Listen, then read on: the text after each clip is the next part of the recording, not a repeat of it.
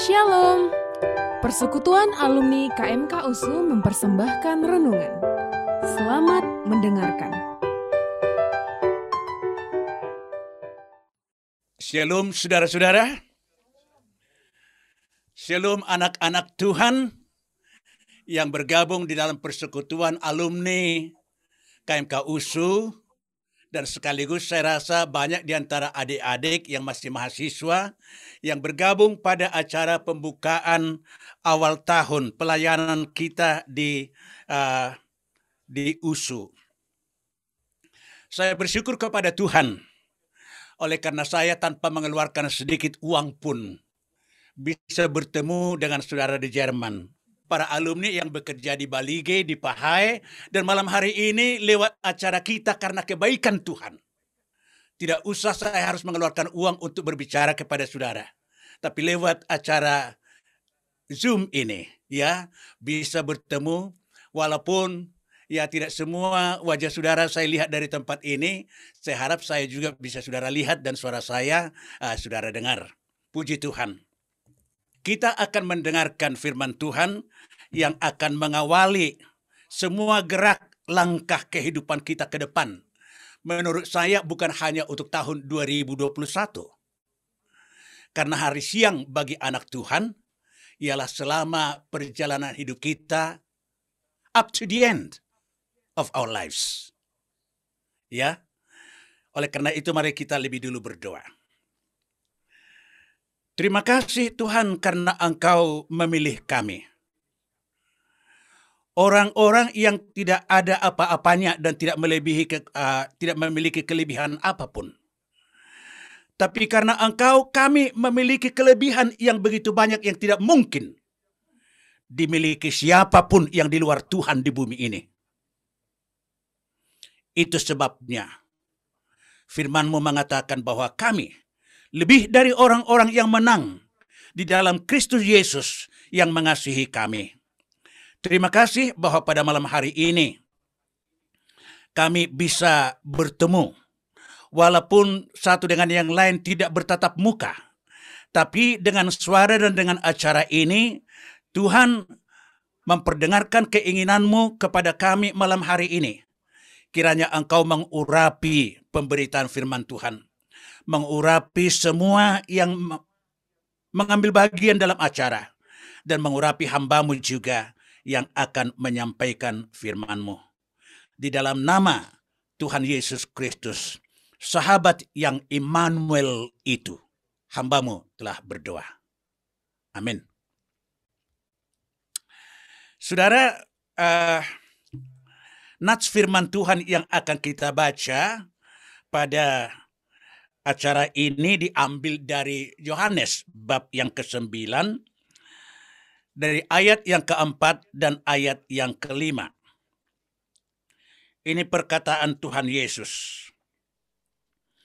Kita harus mengerjakan pekerjaan Dia yang mengutus aku selama masih siang akan datang malam di mana tidak ada seorang pun yang dapat bekerja.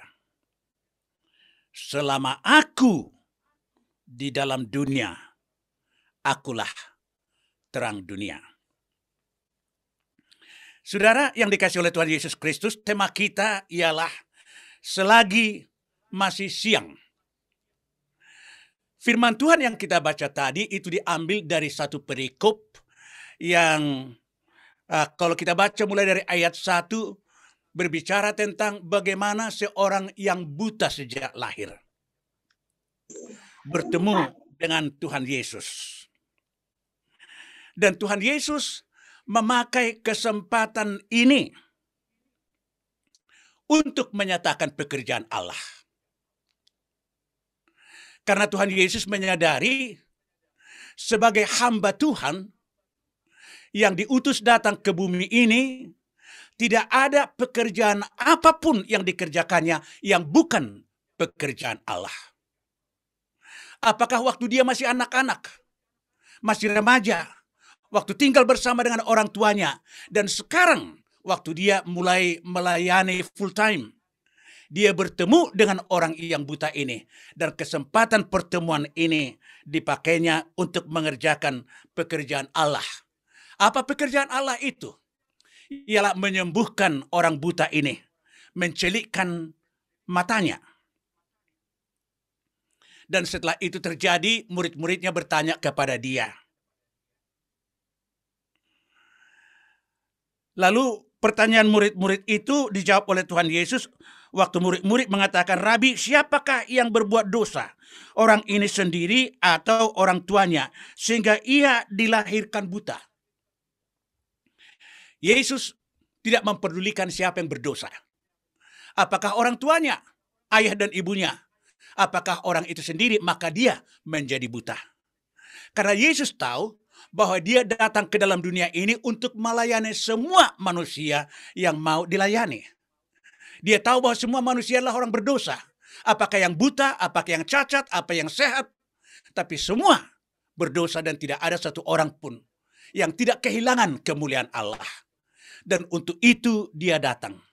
Mengerjakan pekerjaan dia pekerjaan bapaknya yang telah diserahkan kepada dia. Termasuk itu tugas menyembuhkan atau mencelikkan mata orang buta ini. Lalu Yesus kemudian mengatakan kepada murid-muridnya bahwa ia harus mengerjakan pekerjaan dia atau pekerjaan Allah yang mengutusnya selama masih siang. Saudara, menarik sekali Yesus menekankan selama masih siang. Dia berbicara mengenai konsep waktu. Kalau kita berbicara mengenai konsep waktu, saudara-saudara, ada dua istilah dalam bahasa Yunani yang dipakai. Yang pertama itu kronos, yaitu perjalanan waktu yang tidak bisa dibatasi oleh apa pun. Senin, Selasa, Rabu, Kamis, Jumat, dan selebihnya. Minggu pertama, minggu kedua, bulan pertama, minggu kedua, tahun pertama, tahun kedua, dan seterusnya sampai akhir zaman. Itu kronos. Dan dari kronos itu uh, berawal uh, kata kronologi. Ya, kronologi itu artinya peristiwa berdasarkan urutan waktu. Oke, itu yang pertama. Dan yang kedua itu kairos. Kairos itu kalau dalam bahasa Inggris diterjemahkan itu opportune time. Artinya kesempatan khusus. Kesempatan khusus. Kadang-kadang dikatakan itu God's time atau waktu Tuhan. Jadi saudara-saudara, kita tahu bahwa kairos itu berada di dalam kronos. Ya. Dan hanya orang yang bisa mengerti tentang waktu Tuhan itu, waktu berjalan dalam kronos, kalau orang itu sudah mengenal Tuhan. Waktu Tuhan, kesempatan yang diberikan oleh Tuhan itu hanya akan bisa dimengerti oleh orang yang sudah di dalam Tuhan. Karena kairos itu saudara-saudara diberikan Tuhan kepada anak Tuhan, kepada hamba Tuhan, kepada umat Tuhan untuk mengerjakan pekerjaan Tuhan yang dipercayakan Tuhan secara khusus kepada mereka. Jadi bagi para alumni dan mahasiswa saudara-saudara, kalau engkau sudah di dalam Tuhan, kau harus meyakini bahwa apa yang sedang engkau kerjakan ini sekarang adalah pekerjaan Tuhan. It's not your work. It's God's work. Itu adalah pekerjaan Tuhan. Apakah pekerjaan medis itu sama seperti Yesus menyembuhkan orang buta, mencelikkan matanya? Apakah Anda bekerja di bidang hukum? Apakah bekerja saudara bekerja di bidang uh, keguruan, pengajaran dan yang lain-lain whatever it is. Apa saja pun itu saudara-saudara. Kalau Anda anak Tuhan, dan Anda meyakini bahwa Tuhan yang memberikan pekerjaan itu kepada saudara, saudara ingat bahwa itu adalah pekerjaan Tuhan. Jadi kita ini semuanya adalah orang-orang yang dipilih Tuhan untuk mengerjakan pekerjaan kita yang sesuai dengan apa yang dikehendaki Tuhan bagi kita masing-masing. Saudara, Kronos diberikan Tuhan kepada setiap orang. Tapi Kairos hanya diberikan Tuhan kepada anak-anak Tuhan. Karena apa? Karena ada seperti yang dikatakan tadi, ada pekerjaan Tuhan yang harus dikerjakan. Victor Tobing ada pekerjaan Tuhan yang harus saya kerjakan. Demikian dengan saudara-saudara semuanya. Pekerjaan Tuhan itu dikerjakan oleh orang-orang pilihan Tuhan.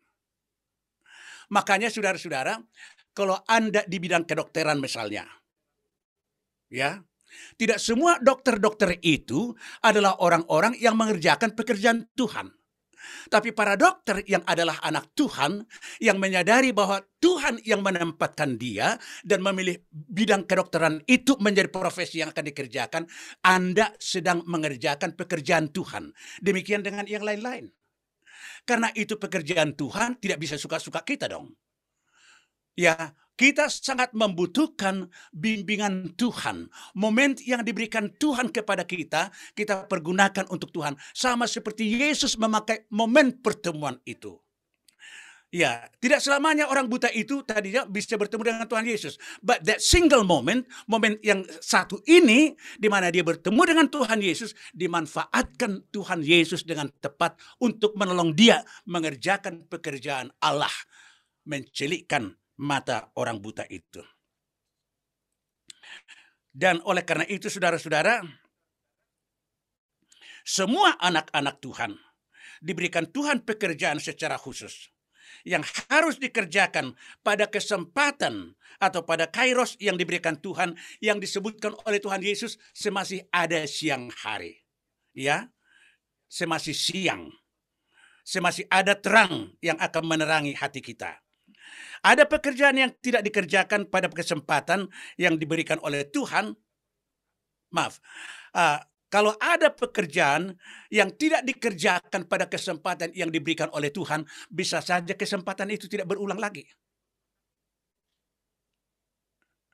Saudara, kalau Tuhan Yesus tidak memakai kesempatan mencelikan mata orang buta ini pada pertemuan that single moment, pada momen itu, saudara-saudara, bisa saja orang buta itu tidak lagi bertemu dengan Tuhan Yesus. Kapan lagi dia akan menikmati anugerah Tuhan? Saudara-saudara, kalau Petrus waktu menjala ikan, ya pada Lukas bab 5 itu, tidak bertemu dengan Tuhan Yesus dan tidak mentaati apa yang dikatakan Tuhan Yesus mengatakan, taburkan jelamu ke tempat yang dalam. Dan dia tidak melakukannya, maka dia maka momen itu tidak akan berulang bagi dia untuk bisa menikmati anugerah Tuhan yang dinyatakan Tuhan kepada dia. Tapi karena dia menaati, lalu Yesus kemudian mengatakan, momen ini engkau saya panggil untuk menjadi penjala manusia. Saudara, itu sebabnya betapa pentingnya setiap kita harus mengerti kairos-kairos yang diberikan Tuhan kepada kita. Ada kairos yang pendek, tetapi sebenarnya bagi anak Tuhan, all through our lives, ya, sepanjang kehidupan kita adalah merupakan kairos. Sampai akhir hidup kita. Kalau saya sekarang umur 80 tahun, bayangin saudara, ya kan? Mulai dari umur 25 tahun. Apakah umur 25 tahun sampai sekarang Bukan kairos, kalau enggak saya tidak akan mengerjakan pekerjaan Tuhan lagi. Tapi sampai kapan? Up to the end. Up to the end. Tidak ada pekerjaanku yang kukerjakan. Kalau aku menyadari bahwa Tuhan yang memberikan kairos itu kepada saya. Demikian kita semuanya. Dan kairos itu diibaratkan oleh Tuhan Yesus dengan istilah siang Siang hari ada matahari yang akan menolong manusia untuk melihat sesuatu, apa yang akan dikerjakan dan apa yang akan diperbuat. Kalau matahari atau benda penerang yang lain tidak ada, bagaimana kita akan bisa mengerti apa yang ada di hadapan kita? Kita tidak bisa melihat. Tidak kita paling paling banter bisa meraba-raba untuk mengerjakan dan sesuatu yang diraba-raba mudah-mudahan mudah-mudahan itu tidak baik. Oleh karena itu jangan kita biasakan mudah-mudahanlah diterima Tuhan. Kalau kita katakan mudah-mudahan diterima Tuhan berarti kita kurang yakin apakah yang kita kerjakan itu adalah pekerjaan Tuhan. Mudah-mudahan diterima Tuhan doaku ini. Mengapa Tuhan kita katakan mudah-mudahan? Tuhan menerima doa. Tidak pernah Tuhan tidak menerima doa. Jangan kita katakan mudah-mudahan Tuhan menerima. Mudah-mudahan Tuhan menemani saya. Mengapa kita katakan mudah-mudahan Tuhan menemani kita? Bukankah dia Allah Immanuel yang sudah datang ke dalam dunia ini untuk menyertai kita? Allah beserta dengan kita. Dan janji terakhir dari Tuhan Yesus mengatakan, Aku beserta dengan kamu sampai kepada akhir kesudahan zaman. Itu sebabnya firman Tuhan mengatakan, ya di atas yang iya. Tidak di atas yang tidak. Di luar itu dosa. Saudara, saya tidak bisa mengatakan mudah-mudahan khotbah ini diperkenankan oleh Tuhan. Mengapa tidak? Tuhan yang telah memanggil dan memberikan kairos ini. Dan firman ini sudah didoakan terus-menerusan untuk disampaikan. Saudara, tidak ada yang meraba-raba. Semua kita adalah orang yang telah menikmati terang dunia itu di dalam kehidupan kita. Waktu Yesus mengatakan, aku adalah terang dunia. Ayat 5 itu. Dan hal ini berarti bahwa hanya orang yang ada di dalam Yesus yang memiliki matahari, mata hati, sorry, mata hati yang diterangi oleh Tuhan. Orang yang di luar Tuhan Yesus akan selamanya mengalami kegelapan. Tapi orang yang di dalam Tuhan, hatinya diterangi oleh Tuhan. Diterangi lewat firmannya. Diterangi lewat roh kudus. Diterangi lewat uh, bimbingannya setiap saat kepada kita. Saudara, diterangi oleh Tuhan lewat saudara-saudara kita satu iman. Yang tinggal di dalam Tuhan. Yang memberikan doa, memberikan dorongan, semangat, nasihat kepada kita. Itu sebabnya dikatakan jangan meninggalkan persekutuan yang tadi yang dimiliki. Saudara-saudara, jadi kalau ada di antara alumni dan anggota persekutuan kita yang sudah sudah mulai mundur dengan alasan karena aku sibuk di kantor. Jangan-jangan pekerjaanmu itu pekerjaanmu, bukan pekerjaan Tuhan yang kau kerjakan. Kalau Anda menyadari bahwa pekerjaan di kantor yang kau miliki sekarang adalah pilihan Tuhan untukmu, berarti itu waktu kau mengerjakan, itu pekerjaan Tuhan. Tidak berbeda itu dengan saya sekarang yang memberitakan firman Tuhan. Ya, ada momennya kita menyampaikan firman Tuhan secara verbal, tapi ada momennya kita mengerjakan pekerjaan administrasi di kantor. Dan semua itu adalah pekerjaan Tuhan. Yang dikehendaki Tuhan harus kita kerjakan dengan baik. Itu sebabnya pegawai apakah swasta, apakah pekerja pegawai negeri, atau siapa pun dia yang mengalami memiliki profesi, ya saudara-saudara, dia bekerja itu berbeda dengan orang-orang lain. Itu sebabnya kita tahu ada memang profesi yang kita pilih sendiri. Ada orang begitu, ya kan? Profesinya aku mau jadi dokter. Lalu dimintanya Tuhan untuk menyetujui supaya dia jadi dokter. Didoakan sungguh-sungguh. Jadi dokter dia. Tapi mengapa dia tidak tentram menjadi dokter? Mengapa ada dokter yang tadinya mendoakan profesi kedokteran itu supaya menjadi miliknya. Setelah dokter dia beralih profesi. Saya misalnya dulu, saya, saya selalu memberikan kesaksian itu. Mengapa saya kerja di kantor pajak? Apakah salah di kantor pajak bekerja? Tapi karena saya tidak dipilih Tuhan untuk bekerja di kantor pajak, maka bukan itu pekerjaan yang harus saya kerjakan. Lalu kemudian menjadi dosen di perguruan tinggi. Saya tetap merasa bahwa saya belum pas dalam posisi yang dikehendaki Tuhan untuk mengerjakan pekerjaan itu. Maka saya rela beralih profesi dari dosen perguruan tinggi mengajar bahasa Inggris di sana ke mana, di sana sini, saudara-saudara, membuka international school yang pertama di Medan dan menjadi penginjil tanpa gaji. Tapi saya lebih suka cita mengerjakan ini. Karena saya tahu di sinilah pekerjaan yang dikehendaki Tuhan bagi saya. Bukan berarti jadi guru salah, jadi dosen salah. Kalau memang Tuhan menghendaki seseorang untuk duduk dalam profesi itu, maka dia sedang mengerjakan pekerjaan Tuhan. Ya. Itu sebabnya tidak ada rasa bersalah bagi seseorang kalau dia sibuk memeriksa skripsi atau tesis mahasiswa seakan-akan dia tidak mengerjakan pekerjaan Tuhan. Itu pekerjaan untuk dirinya. Tidak. Tidak ada pekerjaan yang adalah untuk diri kita. Sebagai anak Tuhan kita harus menjalani semua pekerjaan adalah merupakan pekerjaan Tuhan. Ya, kecuali kalau memang kita tidak di dalam Tuhan.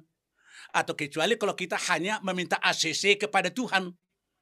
Aku mau mengerjakan ini Tuhan, tolong ACC ya. Dan saya rasa semua kita saudara-saudara, siapa pun saudara yang mendengarkan firman ini, harus mulai berpikir, harus mulai berpikir saudara-saudara, supaya dengan demikian pada akhir zaman Tuhan tidak mengatakan waktu kita mengatakan aku sibuk Tuhan mengerjakan pekerjaanmu. Siapa bilang kau mengerjakan pekerjaanku? Nol bagimu kata Tuhan. Karena kita kerjakanlah pekerjaan kita. Dengan alasan mau memberikan makan keluargaku. Dengan alasan memberikan ini. Apakah memang tidak Tuhan memperhatikan keluargamu?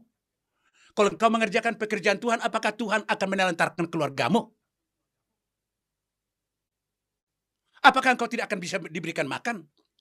Mengapa Yesus meminta yang lima roti dan dua, dua, dua ekor ikan itu diberikan ke tangannya.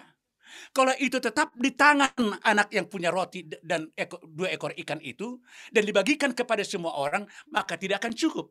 Dan itu yang dikatakan oleh murid-murid itu. Bagaimana ini bisa cukup?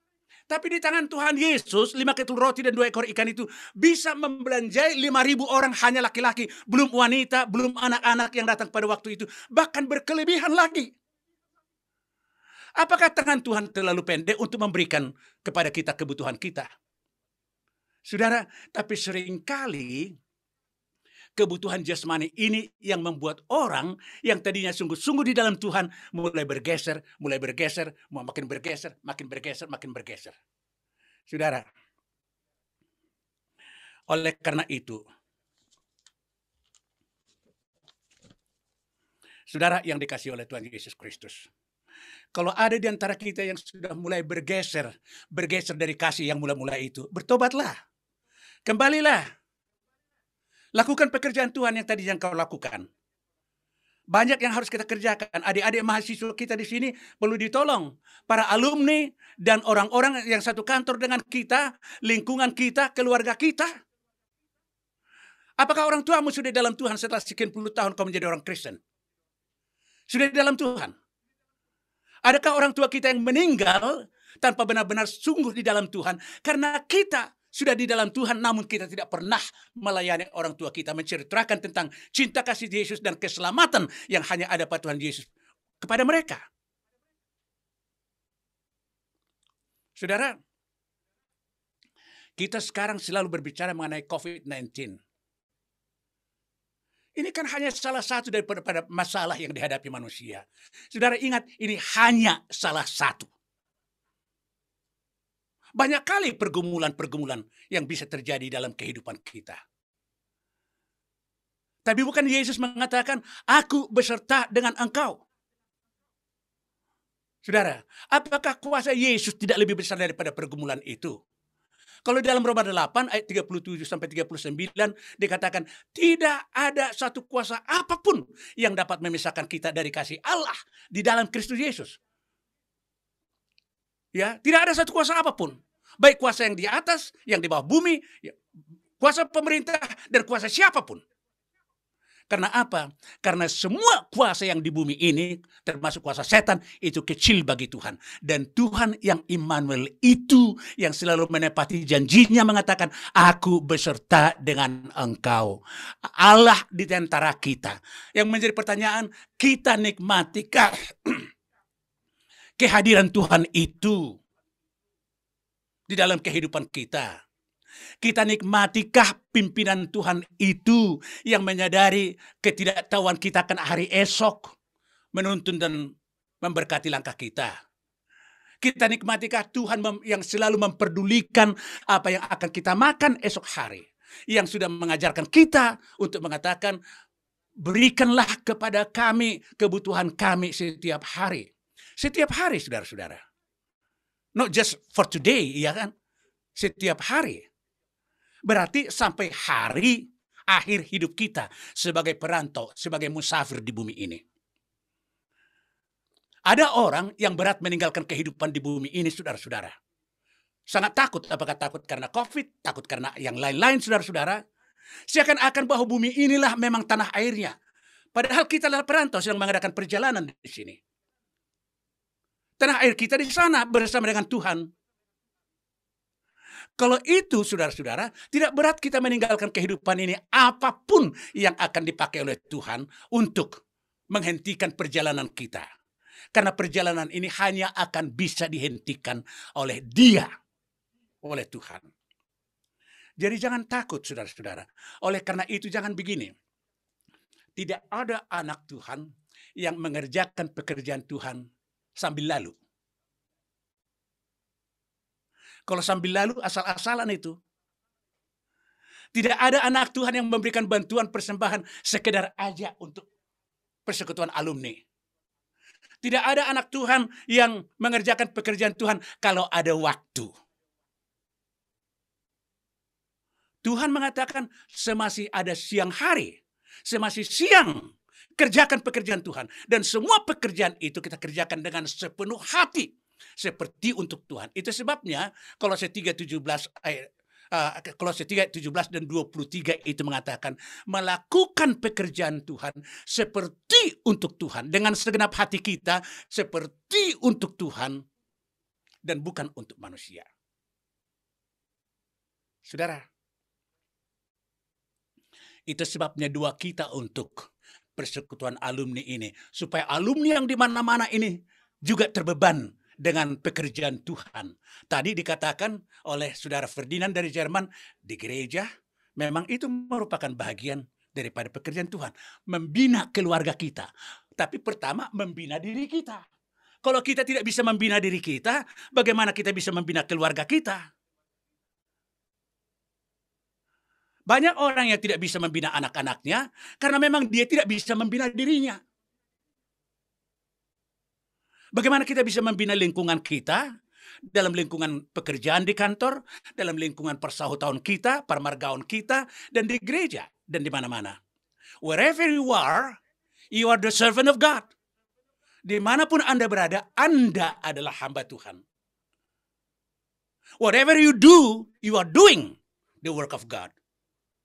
Apa saja yang kau kerjakan, Anda sedang mengerjakan pekerjaan Tuhan karena Anda sadar bahwa Tuhan telah memilih Anda mengerjakan pekerjaan itu. Dan pekerjaan itu adalah pekerjaan Tuhan. We are only doers.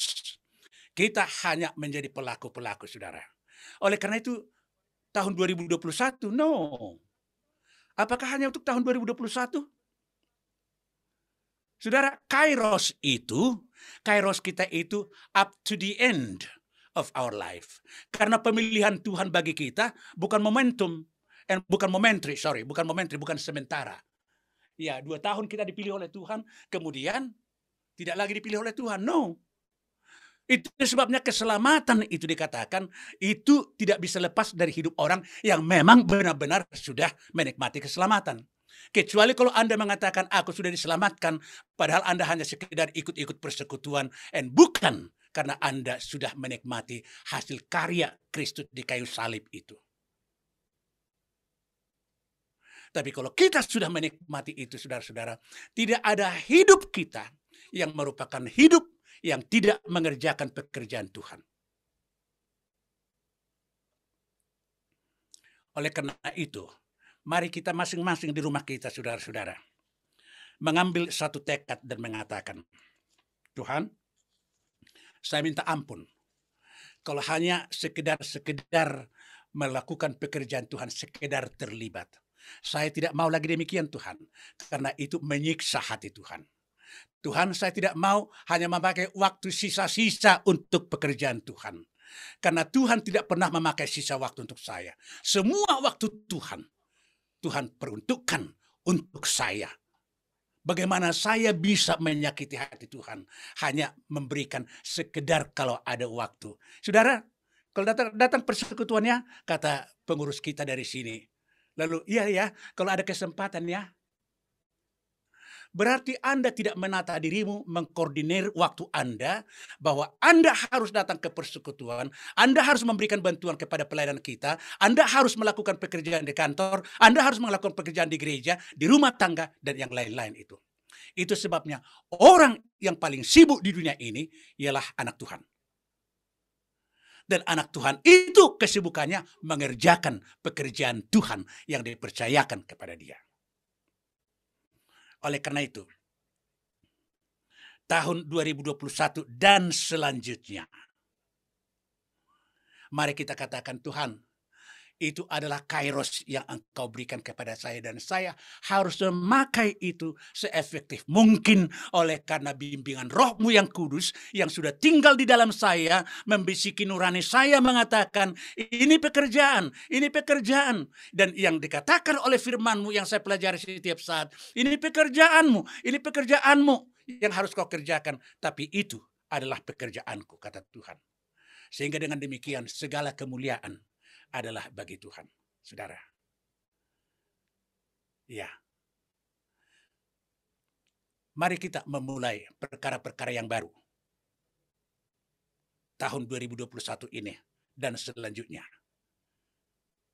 Banyak hal yang harus kita pertobatkan dari kehidupan kita saudara-saudara ya. Supaya semakin maksimal dan semakin murnilah Murnilah cinta kasih kita itu kita berikan kepada Tuhan lewat keterlibatan kita di dalam mengerjakan pekerjaan-pekerjaan Tuhan yang diberikan kepada saya. Oleh karena itu besok, oh lusa lah, besok minggu ya kan? Lusa, Anda mulai ngantor kan? Anda mulai mengunjungi pasien. Oh ini pekerjaan Tuhan. Anda sebagai jaksa mulai memeriksa perkara. Hah? Oh, ini pekerjaan Tuhan, harus adil. Bukan karena uang. Hakim mengadili. Oh, bukan karena pengaruh, karena saya sudah disogok dan yang lain-lain itu. Karena ini pekerjaan Tuhan. Ada tentangan? Pastilah, masa nggak ada tentangan. Tapi yang bersama-sama dengan kita ialah Allah itu bagi kita tempat perlindungan dan kekuatan. Allah itu bagi kita tempat perlindungan dan kekuatan. Sebagai penolong dalam kesesakan sudah terbukti. And he is the only helper that we need in life. Dia adalah penolong satu-satunya yang kita butuhkan dalam hidup. Jangan bersandar kepada orang lain. Takut COVID? Tadi saya terima dari anak saya di Jakarta mengatakan, kami sekarang mulai besok hari. Mulai besok hari sampai tanggal 25, Jakarta, apa namanya, total lockdown. Lockdown, total lockdown. Ya, total lockdown pun kenapa rupanya? Kenapa orang Indonesia ini Jauh lebih takut dengan COVID. Seakan-akan hanya COVID itu menjadi masalah. Saudara, seakan-akan COVID itu tidak bisa ditanggulangi di dalam Tuhan. Sikap kita terhadap segala sesuatunya harus saudara-saudara sikap orang yang bisa menunjukkan kemahakuasaan dan kebesaran, cinta kasih, pertolongan dari Tuhan itu every single moment pada setiap momen dalam perjalanan hidup kita. Oleh karena itu, kita berharap akan terjadi pekerjaan-pekerjaan yang jauh lebih besar dan berbuah bagi kemuliaan Tuhan. Yang akan kita kerjakan semua sebagai alumni, baik sebagai mahasiswa adik-adik saya yang mungkin mendengarkan sekarang firman ini juga ikut ya. Semua kita, mari kita mengerjakan pekerjaan Tuhan. Kairos itu mulai dari jam 12 malam sampai jam 12 malam bagi anak Tuhan sampai Senin, Selasa, Rabu, and no cut. Tidak ada potongan-potongan. Oh, ini kairos, yang lain bukan kairos, bukan, saudara-saudara. Itu sebabnya dulu pun kita di rumah sepertinya tidak berbuat apa-apa. Tapi itu kairos, karena waktu kita duduk itu, hati kita mungkin berdoa mengingat Sian. Oh Tuhan, tolong Sian lagi COVID ya. Oh tolong Tuhan Sian lagi. Ya, Anak saya pernah mengatakan kepada saya, kok Dedi, bukan Dedi yang nyetir mobil, tapi kok seperti bisik-bisik aja. Padahal saya duduk begini, ya saya berdoa dong. Duduk pun bagian daripada kairos itu. Mengerjakan pekerjaan Tuhan. Saudara, Tuhan berkati. Tidak ada posisi yang lebih indah, lebih terhormat bagi kita selain daripada menjadi anak Tuhan. Menjadi hamba Tuhan. orang-orang pilihan Tuhan. Pelaku-pelaku pekerjaan Tuhan. Amin. Amin. Puji Tuhan. Mari kita berdoa. Terima kasih Tuhan. Kalau engkau telah mengizinkan hambamu untuk berbicara pada saat ini. Biarlah engkau yang memetrikan firmanmu itu kepada kami semua. Engkau sangat mengenal kami. Ada sebagian barangkali di antara kami yang harus mengalami pertobatan-pertobatan karena memiliki sikap yang tidak sungguh-sungguh murni sebagai anak Tuhan di dalam melakukan pekerjaan-pekerjaan. Tidak ada pekerjaanku yang adalah milikku. Yang kukerjakan ialah pekerjaan Tuhan yang Tuhan percayakan kepadaku. Itu yang engkau kehendaki akan kami miliki. Konsep yang demikian yang harus kami miliki dalam hidup kami. Tuhan berapa lama lagi engkau izinkan kami akan hidup? Biarlah semuanya itu merupakan kairos yang sangat berharga. Yang kami pakai untuk menghasilkan buah bagi kemuliaan nama Tuhan. Berkati semua para alumni Tuhan. Mereka berada di luar negeri, di dalam negeri, di mana pun Tuhan. Berkati para pengurus semuanya Tuhan. Dan tolong berikan kekuatan dan hikmat yang daripadamu. Dan gairah untuk melakukan pekerjaan Tuhan. Selama kami masih memiliki siang. Dalam Yesus Kristus. Amin.